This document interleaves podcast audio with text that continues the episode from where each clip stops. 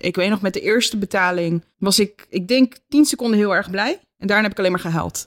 Van, dit is de erkenning dat het gewoon fout zat en dat mijn leven eigenlijk voor niks kapot is gemaakt. Want dat, dat is wat ze hebben gedaan. Wat moet, dat moet en daarom is het goed. Dat zei mijn oma altijd en het is ook een beetje mijn lijfspreuk geworden, ook in mijn politieke bestaan. Nou heb ik voor mezelf al wel redelijk op een rijtje wat er allemaal moet gebeuren in Nederland en waarom dat dan goed is. Maar ik ben ook heel benieuwd naar de goede ideeën van anderen. In deze podcast ontvang ik mensen die mij inspireren en praat ik met hen over de goede ideeën die zij hebben voor de samenleving. Normaal gesproken komen mensen bij mij langs op mijn werkkamer in Den Haag. Maar nu ook in verband met corona en een hele drukke campagne zitten we in Os. En daarom is het goed richt ik me op de goede ideeën van anderen. En vandaag heb ik drie hele bijzondere gasten. Drie hele krachtige vrouwen. Twee dappere ouders die in de toeslagenaffaire samen met onze Renske Leijten strijden en streden voor rechtvaardigheid. En in deze podcast kijken we terug op de afgelopen periode.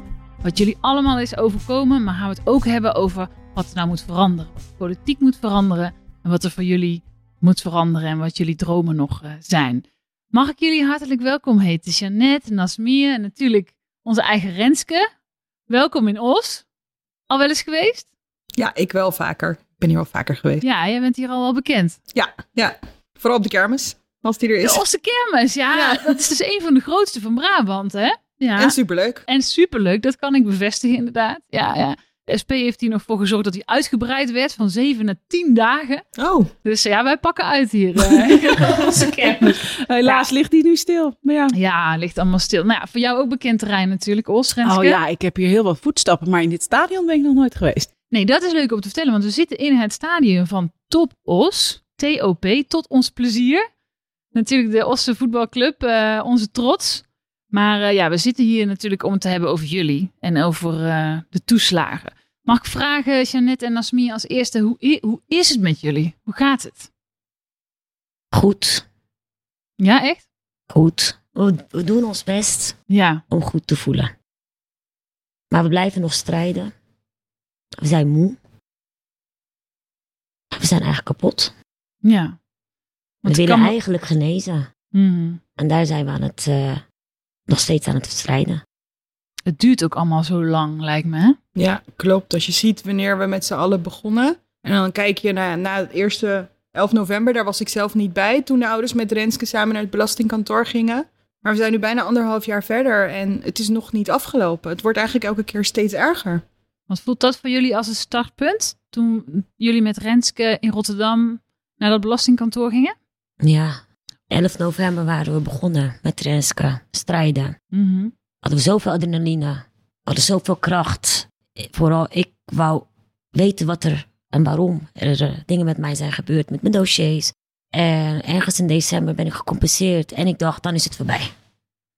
Nou, ik heb mijn recht gekregen. Ik ben geen fraudeur meer. Maar dat is niet zo gegaan. Het deed me meer pijn. Ik schrok ervan. Ik weet niet hoe ik het moet uitleggen, maar die geld liet me ook schrikken. Want ook in onze omgeving waren we opeens het middelpunt van: hé, hey, jaren moest je bewijzen waarom je in de schulden zat. En nu moet je opeens bewijzen waarom je een goede auto hebt. Dus uh, dat heeft mij eigenlijk helemaal gesloopt. En nu de, ja, de dossier is nog niet eens klaar. Daar zijn we nog steeds mee bezig. Het houdt niet op. De belofte stoppen niet. Binnen twee weken krijg je een antwoord. Nou, die twee twee weken zijn nu inmiddels vier weken. Niemand weet waarom je dossier zo ingewikkeld is. Niemand weet waarom je zoveel hebt betaald. Ze werken allemaal naast elkaar. Het is gewoon slopend. Ja, het duurt zo lang. Hoe heb jij, Jeannette, die periode beleefd van jullie gingen naar dat belastingkantoor? Kan ons denk ik allemaal nog wel uh, herinneren. Toen bleek eigenlijk denk ik ook voor het eerst van... Nou, het speelt wel heel breed, toch? Dit gaat wel heel veel mensen aan. Hoe, hoe is het jou daarna vergaan? Nou, ik ben zelf dus niet naar het belastingkantoor geweest. Want ik zag wel, uh, hè, van de zomer kwam toen al het meldpunt. Ja. Toen dacht ik, nou, ik meld me aan, maar hè, dat zal wel niks. En uh, ik had er allemaal nog niet zo heel veel vertrouwen in. Nou, die 11 november kreeg ik op mijn telefoon een pushbericht van... hey, ouders gaan naar het belastingkantoor. Ik lag op dat moment lag ik in mijn bed. Want mijn leven had op dat moment voor mijn gevoel niet zo heel veel zin. Mijn zoon die was natuurlijk uit huis en ik was alleen maar verdrietig. En ik weet nog, ik zag dat berichtje, ik las het en toen dacht ik... hey, hier is iets aan de hand. Ik ben meteen gaan douchen, echt heel apart. Ik ging douchen en toen heb ik dus de Belastingdienst gebeld van nee, ik wil mijn dossier. En ehm, toen is tegen mij gezegd, uh, want ik had toen gezegd van hé, hey, nou dat mag. Vanuit de Kamer is gezegd, iedereen mag zijn dossier opvragen. En toen zei de medewerker die ik sprak, die zei ja, de Kamer kan zoveel willen, maar wij zijn de Belastingdienst en wij hebben ons eigen beleid. En dat is me altijd bijgebleven, hè? want eigenlijk als je nu kijkt naar wat er, wat er gebeurd is in de afgelopen tijd, ja, doet de Belastingdienst eigenlijk nog steeds, voor mijn gevoel, waar ze er zelf zin in hebben. Um, maar vanaf dat moment kreeg ik ook echt die kracht om gewoon uh, hiervoor te gaan. Um, ik heb nu ondertussen drie betalingen al gekregen. Het is nog steeds niet goed. Ik weet nog met de eerste betaling um, was ik, ik denk, tien seconden heel erg blij. En daarna heb ik alleen maar gehuild. Hmm. Van, dit is de erkenning dat het gewoon fout zat en dat mijn leven Hmm. eigenlijk voor niks kapot is gemaakt. Want dat, dat is wat ze hebben gedaan. Ze hebben natuurlijk alles kapot gemaakt, alles afgepakt wat me lief was. En um, Hmm. tot nu toe voelt het nog steeds niet, niet goed. Ik, nou, net als Nas vraag ik me ook gewoon af, wanneer stopt het? Um, want daar, ja, er is nog geen uitzicht op wanneer het ophoudt. Nee, maar mensen van buiten denken misschien, ja, nou, je hebt dan toch je geld. Maar ik kan me inderdaad voorstellen dat het juist het pijnlijke is dat het een bevestiging is van dat het dus al die tijd Ja, ja, onterecht. Dat wist je natuurlijk al lang, maar dat is dan nog eens een keer de bevestiging. ja Dat dat wel aan kan komen, ja. Ja, en mensen die denken ook van hè, het is nu klaar, je bent betaald, maar niemand beseft, er komt ook nog een commissie werkelijke schade aan. Dan moet je de rest moet je dan echt gaan oprakelen. Want het is natuurlijk niet. Maar kan Alleen je heel maar even uitleggen, misschien voor de luisteraars, wat die commissie werkelijke schade gaat doen? Uh, nou ja, daar. Uh, kijk, de toeslagenaffaire is niet alleen dat je aan de Belastingdienst terug moest betalen. Maar mensen zijn hun huis kwijtgeraakt. Uh, inkomensverlies. Um, hebben heel veel schulden erbij gekregen. En ook dat moet rechtgezet worden. Maar dat is het moeilijke, want je moet zelf gaan bewijzen hè, wat er is gebeurd. Dus je moet alles zelf opvragen. En dat proces is heel moeilijk. Want ja, je moet dus inderdaad bij een hypotheekverstrekker, bij een veilig thuis, uh, schuldeisers, moet je gaan bellen. Hallo, mag ik mijn dossier? En uh, net als hoe moeilijk het is bij de Belastingdienst, is dat helaas bij allerlei andere instanties ook zo. Mm -hmm. Nou, komen we zo nog uh, uitgebreid over te spreken wat er allemaal uh, nodig is. Maar ook even naar ons Renske, want ja, we vragen aan de dames hoe het met ze is, maar ook aan jou. Want nou, je hebt nogal wat prijzen gewonnen het afgelopen jaar. Hè? Van politieke prestatie van het jaar tot zelfs engel van het jaar was je geloof ik. Nou, wat, ja, wat heb je niet ja. gewonnen nou, op dat, gebied afgelopen jaar? Mijn SP, Hoe heb je dat beleefd? Mijn SP-afdeling Haarlem, die hebben me al nieuwe schoenen gegeven voor het geval ik naast mijn schoenen zou gaan lopen. um, uh, ja, het, is, het, is, uh, het is echt een soort van achtbaan, een glijbaan geweest. Uh, en we zijn eigenlijk de hele tijd een beetje voortgeduwd door ja, we moeten het, de, de onrechtvaardigheid rechtzetten. En wat ik heel erg merk nu. Uh, kijk, je had natuurlijk de, pijn van, van uh, jullie en uh, Jeanette en Nas staan voor al die andere gezinnen. Um, maar je had ook altijd nog dat politieke schaken. Weten, er ligt een wet die is niet goed genoeg. Hoe ga je die repareren? Hoe doe je dat samen met Pieter als het kan? En als Pieter niet verder kon, hoe doe ik het dan? Ja, op een andere manier. En dat het zijn altijd stappen geweest die zijn gelukt. Uh, ook omdat de ouders altijd zeiden: wij komen ook. Uh, en door de zichtbaarheid en hun strijdbaarheid, maar ook hun vriendelijkheid.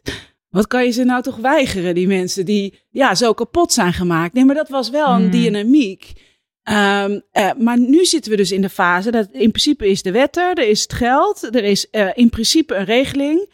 Uh, maar het loopt ontzettend moeilijk achter de schermen. Um, ja, Nasmia, jij was erbij op 11, de, uh, 11 november. Jij kreeg je dossier. Ja. Het was gewoon totaal duidelijk dat zij onderdeel was van een CAF-onderzoek. Dus omdat zij ja. klant was van een echt wel frauderend uh, kinderopvangcentrum, uh, werd zij ook als fraudeur gezien. Dat had al lang rechtgezet kunnen worden. Maar ze is nu anderhalf jaar verder. En jij zei net, nou, we zijn bezig met uitzoeken van hoeveel heb ik nou moeten betalen en hoeveel heb ik betaald. Er komen telkens weer nieuwe lijken uit de kast. Nou, ze heeft veel meer terug moeten betalen dan dat ze eigenlijk daadwerkelijk was opgelegd. Hoe kan dat dan? Vraag je om dat uit te zoeken, wordt niet uitgezocht. En het is, dat is, vind ik frustrerend, dat je dus nu in een fase zit dat het individueel opgelost wordt. Dus dat ja, samen een vuist maken moeilijk is, want iedereen zit in een andere fase en heeft ook een ander belang op dit moment. Uh, uh, en ja, in principe op papier is alles geregeld. Alleen die Belastingdienst of die uitvoeringsdienst, die maakt er een potje van. En da daarin is het ook nog weer lastig. En dan neemt de Kamer een motie aan, ons initiatief van maak er een behandeling van voor die ouders. Omgekeerd, hè, zet die ouders centraal en pas je als Belastingdienst aan, maak er één dag van. En het wordt 150 nul aangenomen en ze voeren hem gewoon niet uit. Eén dag betekent dat mensen gewoon in één dag weten waar ze aan toe zijn. En dat ja. in één dag een oplossing is. In plaats van zo'n vreselijk lang traject. Alle slachtoffers in Os worden aangeschreven. We zijn die dag in Os. Eh, op het gemeentekantoor of hier in Topos uh, stadion. Maakt niet uit. Je komt binnen. Je krijgt een kop koffie. Wordt keurig naar je geluisterd. En zodra je hier de deur uitloopt, dan weet je wat het is. Want dat is toch eigenlijk de vraag, denk ik, van heel Nederland. Hè? Want heel Nederland heeft uiteindelijk jullie verhaal gezien. Uh, bewijzen van meegehuild met hoe erg het is wat er allemaal is overkomen. Maar niemand snapt toch hoe het dan nu niet gewoon opgelost kan worden. Hoezo kan het dan niet in één dag? Nou, sterker nog, deze oplossing van dit kan zo in één dag, die komt dus van een hoge ambtenaar die werkt uh, op het ministerie van Binnenlandse Zaken. Die heeft met toestemming van notabene minister Ollongren samen met mij dit uit zitten werken. Die heeft gebeld en gemaild met de Belastingdienst, laat me jullie helpen. Uh, en de afspraak die er dan wordt gemaakt, die wordt dan afgezegd. En dan wordt er gezegd, ja, na 1 mei hebben we weer tijd. Want tot 1 mei moeten we die 30.000 euro uh, betalen aan de mensen die daarvoor in aanmerking komen. En dat, dat, is, dat bedrag is heel mooi voor iedereen die daar, die daar snel mee geholpen is. Maar het tragische is dus dat de mensen met hoog, veel meer problemen, daar is het nooit genoeg voor. Die moeten nu wachten tot dat massaproces is afgerond. Dus eigenlijk de mensen waarvan je zou willen, die worden het snelst geholpen. Die worden nu weer het laatst geholpen, omdat ze, nou ja, die politieke belofte toen deden van die 30.000, hè, dat was gewoon om hun uh, politieke hachje te redden. Nasmie en Jeannette ben ik ook wel benieuwd naar hoe hebben jullie dat beleefd? Want dat was natuurlijk vlak voor de kerst, geloof ik, hè, dat die boodschap eigenlijk in één keer kwam, toch? Van, nou, iedereen 30.000 euro. Ja. Hoe is dat nieuws tot jullie gekomen en wat dacht je toen? Nou, belachelijk. Ja belachelijk. Waarom moet je dat zo hup in de media gooien? Want even, jullie hadden daar voor die tijd nog niks van gehoord. Je moest het ook uit de media vernemen. Ja, klopt. Gewoon hup, s'avonds om 7 uur wordt, uh, wordt het bekendgemaakt dat iedereen 30k krijgt. Maar mensen in je omgeving denken, wauw, die krijgt 30k. Ja, wat voor reacties kreeg je? Ja, felicitatie, is Gefeliciteerd, je krijgt 30.000 euro, je bent rijk. Zelfs mijn kinderen. Van, hé, hey, je mama krijgt 30k hey, bof komt. Ja. Dat is gewoon belachelijk. Waarom moet mensen buiten weten wat ik krijg? Privacy, toch? We zijn al heel lang beschaad en beledigd. En onze eer en nu weer. Maar wat ook heel, heel moeilijk was, was dat je dan eigenlijk ziet dat er dan een hele tweedeling ontstaat. Van de mensen die een hele kleine schuld hebben, die 30.000 euro krijgen. En dat jij dus eigenlijk met je veel hogere schuld, je moet je gaan bewijzen. Je moet toch allerlei processen in. Ja, het is niet helemaal eerlijk eigenlijk. Mhm. En ook dat doet, ja, doet best pijn. Hè? Van waarom heeft de ene dan geluk, meer geluk dan de ander? We zijn allemaal even hard mhm. aangepakt. Waarom niet gewoon al die beschikkingen die terugbetaald moeten worden bij elkaar optellen en daar dat uitbetalen? Dat kan, lijkt mij heel snel. Voor mij was het ook, ja, het was gewoon niet fijn. We zaten met z'n allen te appen in, een appgroep en um, ja, die ontplofte ook gewoon. Iedereen had zoiets van, huh? Wat gebeurt hier nou weer? Ja, ja. ja want je zegt net tweedeling Renske, jij noemde denk ik ook al terecht van jullie zijn samen opgetrokken. Dat is denk ik ook wel wat uh, ook in Nederland wel heel veel sympathie heeft opgeleverd. Weet je wel, dat jullie ook samen de schouders onder hebben gezet met Renske natuurlijk om het onrecht uh, aan te gaan. Hoe, hoe hebben jullie dat uh, beleefd? Want dat is niet iets, weet ik uit ervaring, wat vanzelf er is. Dat je elkaar weet te vinden, dat je samen optrekt, dat je elkaar steunt. Hoe is dat gegaan? Weet je wat het was? Jaren hebben wij geprobeerd uit te leggen dat we in de schulden zitten niet door ons, maar door de overheid. Niemand begreep je. Je vader niet, je moeder niet, je broers niet. Van hoe kan dat nou? Ja, belasting maakt toch niet zulke fouten? De rechter heeft ook de belasting gelijk gegeven, dus je zit ergens fout. En dan kom je een groep mensen tegen en die begrijpen je. En die hebben hetzelfde meegemaakt. Dus het voelde voor mij heel dichtbij. Het leek opeens mijn familie. Iemand die me begrijpt. Iemand die eindelijk mij mm. toegeeft dat ze hetzelfde ook hebben meegemaakt. Want na een tijdje hebben wij ook besloten met mijn man om niet over dit te praten. als we ergens waren en dan hadden ze het over de schulden, hebben wij gezegd, we praten hier niet meer over, want jullie begrijpen ons toch niet. Toen kwam Renske en die begreep het wel. Heb ik Jeannette gezien. Die had hetzelfde. Dus het was eigenlijk je spiegelbeeld tegenover jou, alleen in een andere vorm. Ja, en je ziet ook nu.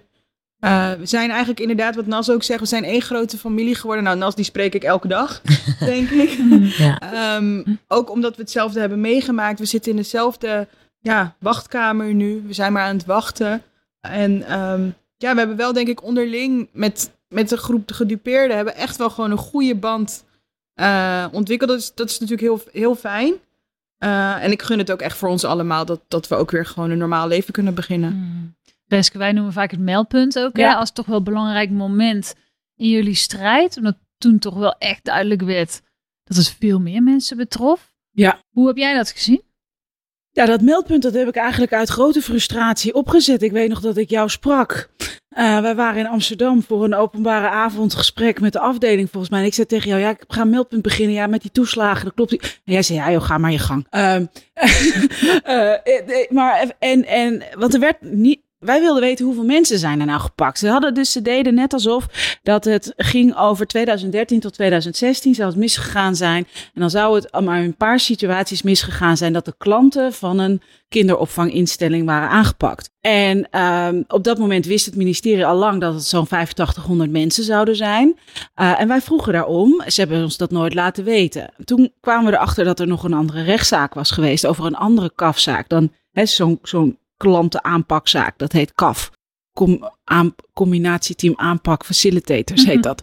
Helemaal Ehm, ja, het is allemaal geheimtaal. Hè? Dat is natuurlijk ook. Je krijgt zo'n brief en er staat op kaf. Wat betekent dat? Niemand snapt het. niemand Nee, begrijpt dat natuurlijk natuurlijk. niet. Nee. Als er had gestaan, je, je was klant bij iemand die fraudeert, dus fraudeer je Ja. ook. Ja, dan was het natuurlijk al veel eerder opgelost geweest. Maar goed, er was dus gezegd, eh, eh, ik weet niet hoeveel meer zaken er zijn. Eh, er zijn, eh, ik weet niet hoeveel meer mensen er zijn. En toen kwamen we erachter dat er een andere rechtszaak was geweest. Dat ging dan over de zaak 16. Eh, en daarin had de Belastingdienst gezegd, ja, hier hebben we ook fouten gemaakt. En toen had ik echt zoiets van, ja, nou hebben we al 11 en dan hebben we al 16. Nou gaan we het maar zelf onderzoeken, hè, als we die informatie niet krijgen. Anders dan ga je langs de deur. Als er iets mis is in, bij huurwoningen, van hebben de buren dat ook? Heeft de buurt dat ook? Dat is natuurlijk moeilijker. Maar ik dacht, nou, laten we maar proberen via Facebook. En binnen een paar weken kwamen er echt wel 100, 200 reacties binnen.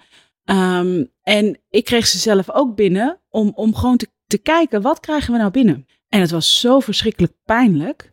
Ik zag meteen dat het ver voor 2013 al was. Er waren ouders uit 2008, 2009, 10, 11, maar ook nog 2018. En de verhalen die ik las van mensen die niet, eh, niet het land uit konden, want ze hadden een belastingsschuld. Dus de vakantie ging niet door, eh, huwelijken gestrand, kinderen uit huis. Toen hebben we besloten, we moeten deze mensen gaan bellen. Dus toen hebben we een speciaal belteam gemaakt omdat de verhalen zo heftig waren en we eigenlijk zo weinig wisten. Dus toen gingen we ook vragen van wat stond er dan in die brief die u kreeg? En heeft u dan hulp gekregen van eh, eh, advocaten? Bent u bij de Nationale Ombudsman geweest? Welke route heeft u bewa- bewandeld? En daar kwam eigenlijk de grote lijn uit dat die mensen te horen hadden gekregen dat ze opzettelijk en met grove schuld zich niet aan de wet hadden gehouden.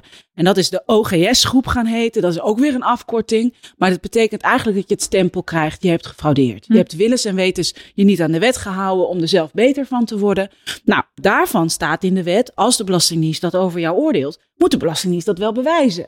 Dat hebben ze nooit gedaan. En op het moment dat ouders vroegen, maar waarom dan? Kregen ze nooit antwoord.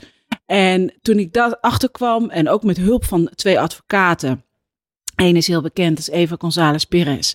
En de andere die zit in Rotterdam. eh, die mij uitlegde hoe dat dan zat, ook met dat opzetgrove, uh, opzetgrove schuld. Toen dacht ik, ik moet nou heel snel een zwartboek maken.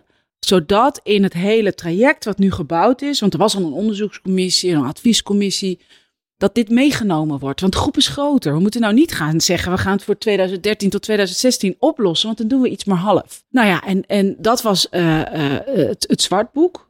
Daarbij hadden we alle mensen uitgenodigd. Was jij daar ook, Nas? Ja, jij ik was daar ook, ook hè? in Den Haag, ja. We hadden heel veel mensen uitgenodigd in, in een zaaltje in Den Haag. En we wisten echt niet of ze kwamen. Dus ik had toen de mensen die bij ons op de fractie werkten gevraagd, willen jullie daar dan ook zijn?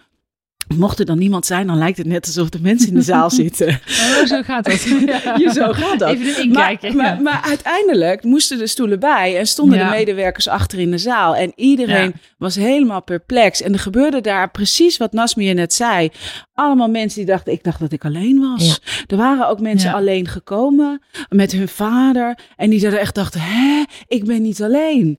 En daar ontstond ook dat de, de ouders uit Rotterdam tegen mij zeiden, in dit geval Maria Sanchez. "Eh, dacht u dat dit het was, mevrouw Leijten? U komt naar ons in Rotterdam en u komt met ons praten, want we zijn er nog niet met een zwart boek. Nou ja, en toen, daar werd de actie van 11 november uitgeboren. En ja, de rest Hm. heeft zich vervolgens ontwikkeld. Toen kwamen die dossiers, die waren zwart gelakt. Toen vonden we de zwarte lijst via de dossiers. Eh, nou ja, en zo kwamen we achter steeds meer dingen. Hm. Ja, want Nasmi, jij, wa- jij was daarbij toen dat in dat Ja. zaaltje in Dudoka in Den Haag. Ja. Hoe was dat voor jou Eh, toen je daar binnenstapte? Druk. Ja. was druk. Voor mij is er ook een stoel geregeld. Ik was net op tijd. En ik keek eh, zo om. Ik dacht, oh mijn god. Ik dacht dat onze opvang eigenlijk de enige was. Want wij hadden Ja. hiervoor al een groepje, appgroepje. Met de opvangouders. Wij waren dit al aan het uitzoeken. We hadden al aangifte tegen de opvang gedaan. Maar ik dacht dat dat de enige was. Hm. En ik hoorde niemand ook in mijn omgeving over zoiets praten. Ik denk iedereen ook schamen misschien. Toen kwam ik daar. En ik dacht, oh mijn god. Best wel veel mensen. Volle groep. Ja. En eh, mensen met tranen. Ja, veel tranen, altijd. Ja. Alle bijeenkomsten zijn er tranen. Mensen met tranen. En ik dacht, oh mijn god, ik ben niet de enige. Hm. Ik ben niet de enige. En dat heeft mij ook de moed gegeven van, hé, hey, ik ben niet de enige. Dus ga door. Het heeft je ook gesterkt op die manier. Ja, zeker. Ja. Want Als je alleen bent, wil je het niet snel. Nee. Maar het is een hele groep. En iemand moest voor die groep ook vechten. Toen kwam Renske. Voor de 11 november. En toen dacht ik, ik ga ervoor tot het eind. En ik blijf ook tot het eind. Hm, ja. Dus Jeanette, kan je nou nog eens uitleggen, want het gaat natuurlijk vaak over inderdaad kaf en OGS en allemaal technisch en of, of over geld en schulden, maar gewoon heel concreet wat, hoe het jou eigenlijk jouw hele leven natuurlijk beheerst. Hele toeslagenaffaire. Nou Ja, eigenlijk ben ik hier gewoon elke dag mee bezig. Eh, het, gaat, het begint echt maandagochtend en het eindigt, nou niet eens zondagavond. Je blijft maar doorgaan. Eh, elke dag ben je wat aan het uitzoeken. Of omdat, nou ja, goed, hè, Nas en ik zijn best wel vaak in de media geweest. Dus altijd weet een ouder je wel te vinden met vragen. Die probeer je dan ook te helpen. Want je wil niet dat iemand nog steeds diezelfde pijn moet voelen. En ehm, ja, het, het, het lijkt een never-ending story. Gewoon. Ehm, ja, Je had een hele indrukwekkende toespraak laatst nog op de Women's March. ja, ja, dat was. ehm, ik was dus gevraagd. En eh, toen moest ik ineens een speech schrijven. En ik bereid nooit wat voor. En ehm, toen moest ik ineens gaan praten over mijn gevoel. En mijn gevoel is iets wat ik eigenlijk altijd gewoon. Ja, daar, daar heb ik het gewoon niet over. Gewoon puur uit zelfbescherming. En ik heb echt heel lang geschreven. Echt, er zijn honderd verschillende versies ge- geweest, geloof ik. Maar ehm, ja, toen ik daar stond, toen ik klaar was, ik voelde toch wel weer echt die, die, die kracht die ik vroeger als rebels meisje altijd had. Eh, hè, die, die altijd alles de wereld wilde veranderen en alles beter wilde maken. Dat voelde ik toch wel weer, weer terugkomen. Ehm, ik heb, daarop heb ik ook heel veel reacties gehad van, eh, van ouders die zeiden van... je hebt mijn gevoel zo goed omschreven. Ehm, er zijn een aantal ouders die hebben gevraagd ook of ze mijn speech mochten gebruiken voor de commissie werkelijke schade. Omdat ze zelf hun gevoel niet op papier kunnen zetten. En ja, dat vond ik wel heel mooi, maar ook heel pijnlijk. Om dat, eh, Hm. om dat te horen. Want ja, we hebben allemaal denk ik echt wel hetzelfde meegemaakt. En ja, voor mij is het, ik vind het heel fijn als ik iemand daarmee kan helpen. Maar het was wel echt heel zwaar hoor. Om dat ook zo op te schrijven. Hoe dat voelde. Hoe die bus gewoon constant van de overheid over je heen ging. Want het is niet alleen de Belastingdienst. Maar alle andere overheidsinstanties. Die, die, die, die horen er gewoon bij. Ja, kun je dat eens uitleggen wat dat betekende gewoon in jouw leven? Want ik denk dat heel veel mensen dat die denken, ja, je hebt een conflict met de Belastingdienst. Maar het ging natuurlijk veel verder dan dat. Het gaat veel verder dan dat. Ja, ik, eh, nou ja, ik werd dus afgewezen voor de schuldhulpverlening eh, in 2017. Eh er werd toen gezegd eh, dat ik niet ter goede trouw had gehandeld. Ehm, ik ben in die periode ontslagen. Ik kreeg dus een WW-uitkering. Tussendoor ineens, terwijl ik zelf ook jaren bij het UWV heb gewerkt, kreeg ik te horen dat ik het inkomstenformulier niet goed, had ingevuld. Moest ik dat weer terugbetalen met 100% boete erbij. Ehm, ik, ja, ik kreeg te maken met veilig thuis. Ik, had, ik was kansloos tegen hun, gewoon echt kansloos. Ehm, en ja, daarna ben ik ook ja, helaas in de klauw gevallen van een bewindvoerder die ook maar deed wat hij wilde. En ik heb altijd overal, omdat ik gewoon altijd in mezelf heb geloofd, ben ik overal hulp gaan zoeken. Maar niemand, ja, niemand luisterde. Ze zeiden van, uh, nee, je zal het zelf wel gedaan hebben. Je had gewoon dat, dat, dat stempeltje had je. En Mm als je dan nu kijkt, hè, allemaal voor niks. Ja, want het ging zelfs over dat jouw zoon niet meer bij jou mocht Ja. wonen. Ja, klopt. En dat was ook echt een, een eigenlijk, ja, ik stond gewoon kansloos. Ik kreeg dat gewoon te horen. Ik kon mezelf niet bewijzen. Ehm, er werd gewoon niet geluisterd. Ik was gewoon slecht. Ik was een slechte moeder. Terwijl ik daar zei, ja, maar hè, er speelt veel meer. Nee, er, er werd gewoon gehandeld zonder te luisteren. En ja, dat was wel echt, dat, dat was de allergrootste klap. Ze kunnen me al mijn geld afpakken, alles afpakken wat ze willen. Maar mijn zoon, en dat is iets waar ik nu moet waar ik nu mee moet leren leven. Dat, hij, dat ik hem gewoon niet elke dag kan zien en spreken. En maar, ja, wat is het, drie dagen per maand eigenlijk kan, letterlijk kan zien. En ja, dat, dat, dat gaat nooit goed gemaakt worden. Niemand kan het goed maken. Want die situatie is nu nog steeds zo. Ja, kijk, ik heb wel. Hij, zit, hij woont in een andere stad. Dus hij de middelbare school. En ik, ik heb altijd in zijn belang gedacht. Ik kan hem nu niet weghalen van zijn middelbare school. Tussen zijn vriendjes of wat dan ook. Dus ja, dat is dat empty nest syndrome, zeg maar. Ja, daar, zou ik, daar moet ik nu mee leren, leren omgaan. Mm. Want hij stond achter jou bij die toespraak. Ja, klopt. Dat was niet Letterlijk en gepland. Ja, figuurlijk. ja, dat was niet gepland, want ik moest mijn speech dus inleveren voor de gebarentolk. En ik had dus in mijn speech had ik dus opgeschreven dat ik echt heel erg blij was dat mijn zoon eh, in het publiek zou, stond om, Hm. om, ja, gewoon voor zijn moeder. En ineens stond hij achter mij en eigenlijk het eerste wat door mijn hoofd schoot was, "Ah, die gebarentolk. Eh, dit gaat helemaal mis. En, ehm, maar hij heeft dus later, heeft hij dus ook gezegd, ja maar mama, je ging bijna huilen daar. En ik kon jou daar niet huilend op het podium laten staan, want jij huilt nooit. Ik wilde bij jou staan. En ehm, hij wilde dat ook echt. Hij zei ook van, nou ja, goed hè, jij was zenuwachtig, ik had mijn hand op je schouder, maar ik werd ook helemaal zenuwachtig. Eh, maar hij is nu echt, ja, hij, hij begrijpt het nu ook gewoon. Want wij zijn dan, ehm Nas en ik zijn in het katshuis geweest. En daar waren onze zonen waren daar ook. En die hebben daar ook eh, gesproken. En ehm, nou ja, toen mijn zoon hoorde wat eh Mehmet vertelde, de zoon van Nas, had hij zoiets van, ja, hey, mijn moeder die was ook eh, ziek. En ik dacht ook van, hé, hey, maar als mijn moeder gaat werken, is alles opgelost. Ja.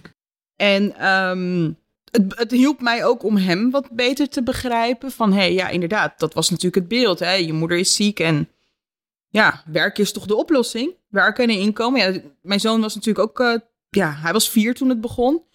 En ehm, op een gegeven moment, ja, hij zat in groep acht. Dus had hij van, ja, mijn moeder ligt in bed. Dit kan niet. Als je werkt, dan, hè, we wonen hier in Nederland, iedereen verdient geld, dus dan, dan kan alles. En wij hebben elkaar nu wat beter ook leren, leren begrijpen. Dus dat is wel heel fijn. Maar ja, dit had gewoon nooit eh hoeven. Nee, dat is het allerergste ervan. Je noemde al zelf al even het katshuis.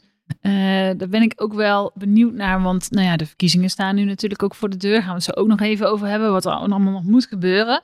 Maar jullie zijn in het katshuis geweest en inderdaad, je kan nou de televisie niet aanzetten of je ziet de ene naar de andere politicus zeggen hoe erg ze het allemaal vinden wat er is gebeurd. Hoe kijk je daarnaar, Nasmia? Als je dat zo allemaal aanschouwt en hoort. Ja, ze vinden het allemaal heel erg wat er met ons is gebeurd. Maar ze hebben nooit in onze schoenen gestaan. Ze hebben nooit een lege portemonnee gehad. Of kinderen, waar ze uitleg moesten geven waarom mama de hele dag slaapt. Mama is ziek, mama weet niet wat hij moet doen. Mama is onzeker, mama kan het niet aan. Dus het is makkelijk gezegd, je begrijpt me, maar je, je voelt me niet. Je kan me pas voelen als je het zelf hebt meegemaakt. Ik was zwanger, twintig weken. Toen ik die beschikking kreeg. Ik dacht, oh mijn god, ik heb een kind in mijn buik. Hmm. Hoe gaat de toekomst van die kind zijn? Ik was vier dagen na mijn, eh, na mijn bevalling, kreeg ik afwijzing op mijn eh, bezwaar. Die dag werd er op school van school gebeld dat mijn zoon een incident had op school. Hup, jeugdzorg erbij. Ik dacht, oh mijn god, het gaat gewoon te ver, ik kan het niet. Het was, was mijn vierde dag, hè, mijn kraamdag. Dus daarom was mama ziek. Maar dat begrijpt de politicus allemaal niet. Ik heb echt angsten gehad, nachtmerries. Ik heb dagen niet kunnen slapen. Omdat ik dagen niet heb kunnen slapen, moest ik 's middag slapen. Een baby die aan het huilen is, aan de borst. Ja, je weet het niet. Je bent altijd heel sterk geweest en opeens kom je er niet uit. Opeens weet je het niet. Dus wat doe je dan? Je probeert het te vergeten. Dan ga je slapen. Dus Mehmet Hm. dacht ook van, waarom slaap ik de hele dag? Ga maar werken. Ja, maar ik had geen kinderopvang. Hoe moest ik werken met een baby van eh, drie maanden? Hm. Dus dan vraag ik me af. Ik wil dat ze eigenlijk een dagje in onze schoenen staan. Die angst, die nachtmerries. En dan zullen ze ons veel beter begrijpen. Ik denk dat ze dan ons ook sneller helpen. Dat het gewoon veel, veel makkelijker opgelost wordt. Is dat jouw gevoel ook, Jeannette? Ja. Ik weet het niet. Ik, eh, ik vind allemaal mooie verkiezingspraatjes van heel veel partijen. Maar de enige die, ja, sorry, die echt voor ons heeft opgestaan is Renske. Met Pieter dan ook. Maar ehm, het. Ja, hoe moet ik het zeggen? Ehm, ik vind het heel jammer dat, dat met die verkiezingscampagne. dat ik soms wel het gevoel heb bij sommige partijen dat we gewoon gebruikt worden. Maar kijk, die ouders. Hè, dat, dat heb ik zelf bij de SP helemaal niet. Ik ben ook zelf lid van de SP. Maar ehm, dat is wel heel, heel moeilijk. Je ziet Renske, die, die kan je altijd benaderen. En ehm, ze doet zoveel voor ons. Ze heeft zoveel gedaan. En ja, dat, dat, dat, ja. Ik, ik, heb haar, ik heb haar ook al eerder gezegd. Voor mij is ze gewoon mijn grote zus geworden. Eh, ik heb geen zus. Hè? Ik heb altijd een zus gewild. Maar gewoon iemand die, die, die, die naar mij omkijkt. En als je ziet hoe zij letterlijk echt naar ons omkijkt, dat is gewoon zo mooi. En dat is zoveel mooier dan praatjes in een verkiezingscampagne eh, van anderen. Dit, wat, wat Renske heeft gedaan, is dat, dat, dat, kan, dat gaat niemand haar nadoen. Echt, ja. Ik denk dat wat Nasmi zegt, hè, ik, ik, ik vind het iedere keer weer indrukwekkend. Ik hoor iedere keer weer nieuwe dingen over jullie. Ehm, maar dit is het precies. Hoe kan je nou die 30.000 euro eventjes voor het katshuis aankondigen zonder dat je even hebt getoetst? Helpt dit de ouders? Ik vind het zo'n arrogantie. Het is het opnieuw. Hè? Kijk, die Belastingdienst die is niet gewend aan processen inrichten die ten gunste zijn van mensen. Ze- Alle processen die ze inrichten zijn ten gunste van hun eigen processen. Eh, en hun eigen checks. En dat hadden ze natuurlijk vanaf het begin af aan helemaal anders moeten doen. Nou, dan moeten we gaan zitten met ouders. Wat hebben jullie nodig? Hoe kunnen we dat zo snel mogelijk doen? Eh, en daar hebben we een jaar verloren. En dat verliezen nog steeds tijd omdat ze daar niet toe besluiten. Dat kunnen we echt morgen gaan regelen. Ik zei het van de zomer tegen de staatssecretaris. Geef mij tien van je beste mensen. Ik neem tien ouders en we nemen tien eh, juristen erbij. En we hebben een goed werkend systeem binnen een week voor je, wat je kan uitvoeren. En dan kan je die ouders gewoon gaan recht doen. En dan weten ouders ook wanneer het dan gebeurt. En als het dan pas over twee maanden gebeurt, dat maakt er niet uit. Over die twee maanden is het wel voorbij. En nu hebben we gewoon geen ei- einddatum. Het is verschrikkelijk. Uh, en tegelijkertijd geven ze dus meer geld uit aan de organisatie en de toets van de organisatie door allerlei externe consultants enzovoort aan het compenseren van Mm. ouders. Dat Mm. was in 2020 het geval. Het is echt bizar. Het is precies dat wat Nasmi hier zegt. Ik, ik denk niet dat je per se in de schoenen hoeft te staan en het mee hoeft te maken. Maar je moet daadwerkelijk geïnteresseerd zijn in wat dat is. Je moet goed luisteren. Um, en ik denk toch dat. Empathie. Ja, en niet alleen voor dat moment. Hm. En, uh, um, want kijk, de staatssecretaris die praat met heel veel ouders. En dat zijn indrukwekkende gesprekken. Ik ken die gesprekken, die hebben wij ook gevoerd. Die voeren we nu ook. Maar volgt ze ze dan verder ook nog? Hm. En dat is niet wat ze doet. Uh, en, en dat is dan wel een probleem. Hè? Dus dan heb je gesprekken, je stelt mensen gerust. Mensen komen daar opgelucht uit. En dan vervolgens komen ze weer in die kade realiteit van de brief en de afwijzingen en het niet horen. Terwijl het wel beloofd is. Hm. En dat is zo'n pijnlijk verschil. Nou zitten we natuurlijk echt daags voor de verkiezingen. Ja. Uh, je zit je met hart en ziel in, Renske. Zelfs de grote zus, hoor ik hier. Um, wat moet er nou politiek gebeuren om, nou niet alleen om dit verder te brengen, maar ook om ervoor te zorgen dat, dat zoiets gewoon nooit meer zal voorkomen? Ja, ik vind dat onze duurste plicht. Dat dit nooit meer gebeurt. Kijk, dat rechtzetten, uh, dat, dat is een organisatieprobleem en dat zou ik morgen willen oplossen. Hè? Hm. Dat, de, maar vooral eh, de belofte aan de ouders, dit gaat niet nog een keer opnieuw gebeuren. En waar het misschien op gebeurd is, gaan we dat ook oplossen. Dat vind ik het belangrijkste.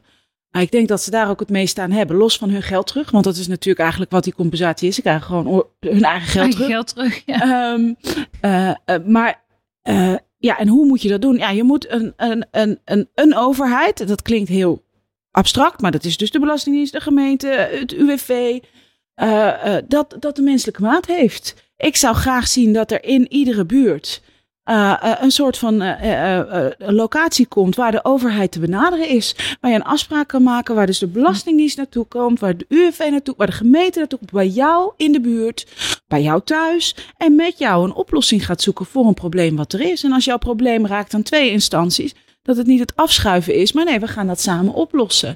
En die menselijke maat, het menselijke gezicht, dat is ook nodig, omdat in die organisaties, daar zijn processen en producten zijn belangrijker geworden dan de inhoud. En zo worden natuurlijk ook de ambtenaren die het werk doen afgerekend. Je moet je targets halen, de processen moeten snel lopen, de producten moet je geleverd hebben. Ja, maar of daar dan onderwel tienduizenden gezinnen de dupe van zijn, dat zie je dan niet meer, omdat het allemaal processen zijn geworden. Dus van het procesdenken moet je ook af. Dan komt er een parlementaire enquête. Daar heb je heel lang eh, voor ingezet. Nou, pas geleden is dat gelukt. Ja, En, eh, dat daar een meerderheid voor is. Dat die er gaat komen. Niet alleen naar de toeslagenaffaire, maar breder inderdaad. Naar alle uitvoeringsorganisaties, zoals dat Ja. dan heet. En de menselijke maat die daar eh, weg is. Wat verwacht je daarvan?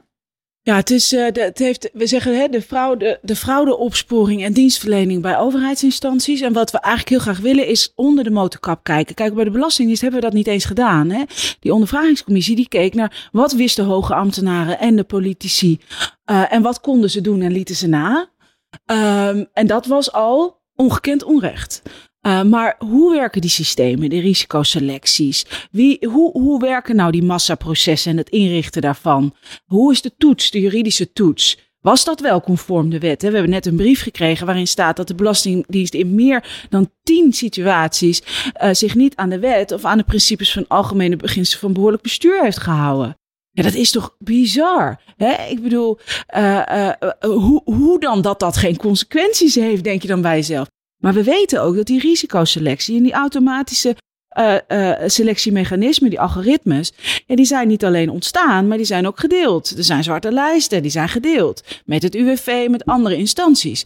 Ja, hoe werkt dat dan door? En, en als dat al politiek gesanctioneerd is, hoe dan? En op welk grond van wet dan? En als dat niet politiek gesanctioneerd is, hoe kan het dan ontstaan? En dat besef is volgens mij belangrijk om te zien hoe je dat in de toekomst voorkomt. Maar wil je een fraude en een handhaving hebben bij overheidsdiensten die niet mensen al op voorhand veroordeelt, zullen we wel moeten analyseren hoe is dat nou ontstaan.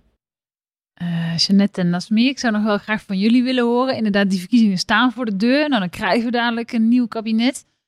Uh, wat verwacht je nou? Wat, wat, wat moet zo'n kabinet nou als eerste gaan doen? Wat, wat, wat wil je dat er echt politiek verandert? Ja, als eerste die toeslagen, dat moet gewoon uh, overbodig gemaakt worden. Uh, het is ook heel raar hè, dat ze eigenlijk zoiets bestaat. Dus ik ben nog altijd ook voor het, verhogen van het minimumloon.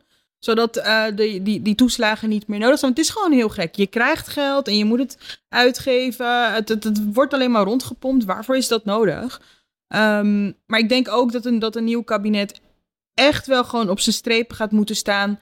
Uh, om dingen boven tafel te krijgen binnen alle overheidsinstanties. En dat ze daar echt mee moeten gaan beginnen van waar is het nog steeds niet goed en aanpakken die handel. Is meer, wat zijn jouw dromen nog voor de toekomst? Mijn eerste droom is, ik wil klaar zijn. Klaar met mijn CWS, mijn dossier gesloten en dan niet meer over belasting praten. En ik wil weer mijn vertrouwen terug, vertrouwen in de overheid. Want de overheid moet mij beschermen. En ik heb niet het vertrouwen dat de overheid mij gaat beschermen, maar in de toekomst. Misschien moet ik weer een UWV aanvragen. Dat durf ik nu niet. En als ik mijn vertrouwen terugkrijg, en als ik denk, hé, hey, mijn overheid, die beschermt mij, kan ik het wel. Ik wil mijn kinderen met vertrouwen grootbrengen. Iedere keer als ze wat wil aanvragen, ook met duo. Kijk uit hè, straks moeten we alles terugbetalen. Kijk uit hè, ik spreek ze zo die angst nu in. Daar hadden we met Jeannette over mijn kind. Ik heb het zo overgebracht. Het is niet goed. Ik wil het vertrouwen zelf terug. Dat ik mijn omgeving ook het vertrouwen kan teruggeven. Renske, tot slot denk je dat het, dat het gaat lukken om, om dat vertrouwen in die overheid terug te krijgen? dat gaat lukken, maar daar zijn we nog niet zomaar. Kijk, ehm, we zien dat economisch gezien het neoliberalisme op zijn laatste benen loopt. Het geloof dat de markt altijd alles maar beter doet dan de overheid, uh, dat is echt wel weg. Zelfs bij de VVD. Maar het mensbeeld van het neoliberalisme, namelijk dat uh, succes een keuze is en als je zelf niet je succes hebt bereikt, dat je dus maar een stumper bent en al helemaal als je op de overheid moet rekenen, dat je dan eigenlijk een profiteur-fraudeur bent, ja, daar moeten we echt nog wel uh, tegen ingaan. En dat is niet alleen dat laten zien, maar dat is ook blijven vertellen. Van ja, maar dat is toch onrechtvaardig dat als je je werk kwijtraakt en je hebt het UWV nodig, dat je dan zo wordt behandeld. Het is toch onrechtvaardig dat op het moment dat je bij de gemeente moet zijn voor zorg, dat je ieder jaar opnieuw moet aan, aan, aangeven dat je wel degelijk zoveel uren zorg nodig hebt. Dat zullen we wel om moeten zetten. Uh, uh, maar ik ben wel van overtuigd dat die. Kijk, de, het toeslagenschandaal is verschrikkelijk en helemaal als je in die nachtmerrie hebt gezeten. Maar het is ook een kans, omdat we het nu allemaal zien. En we zijn het echt aan Nasmia, aan Jeanette, aan al die andere ouders verplicht om dat met elkaar te doen.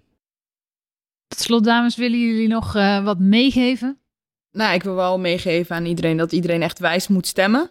Ik vind dat zelf heel erg belangrijk. Uh, ik kom ook uit een gezin waarin altijd gestemd werd, maar dat ook iedereen echt bewust stemt. En niet alleen voor zichzelf, maar kijkt naar wat die stem gaat doen voor iedereen om zich heen. Want dat is wel echt heel erg belangrijk. Nou, ik wil eerst Renske bedanken voor de afgelopen jaren.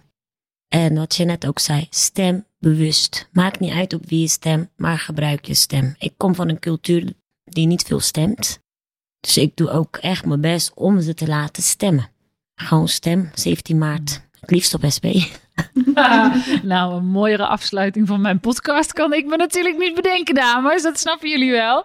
Mag ik jullie ontzettend bedanken, Jeannette, Nasmia en natuurlijk Renske, voor sowieso jullie niet aflatende inzet en strijd. Om uh, nou ja, dit tot een goed einde te brengen. En uh, nou, iedereen staat achter jullie. Dat kan niet vaak genoeg gezegd worden, denk ik. En we geven niet op totdat het ongekend onrecht is rechtgezet. En we ervoor gaan zorgen dat dit in de toekomst uh, niet meer gaat gebeuren. Dit was Daarom is het goed, de podcast waarin ik van mensen die mij inspireren hoor welke goede ideeën zij hebben voor de toekomst. Wil je nou niks missen? Abonneer dan via Apple Podcast of via Spotify. Tot de volgende.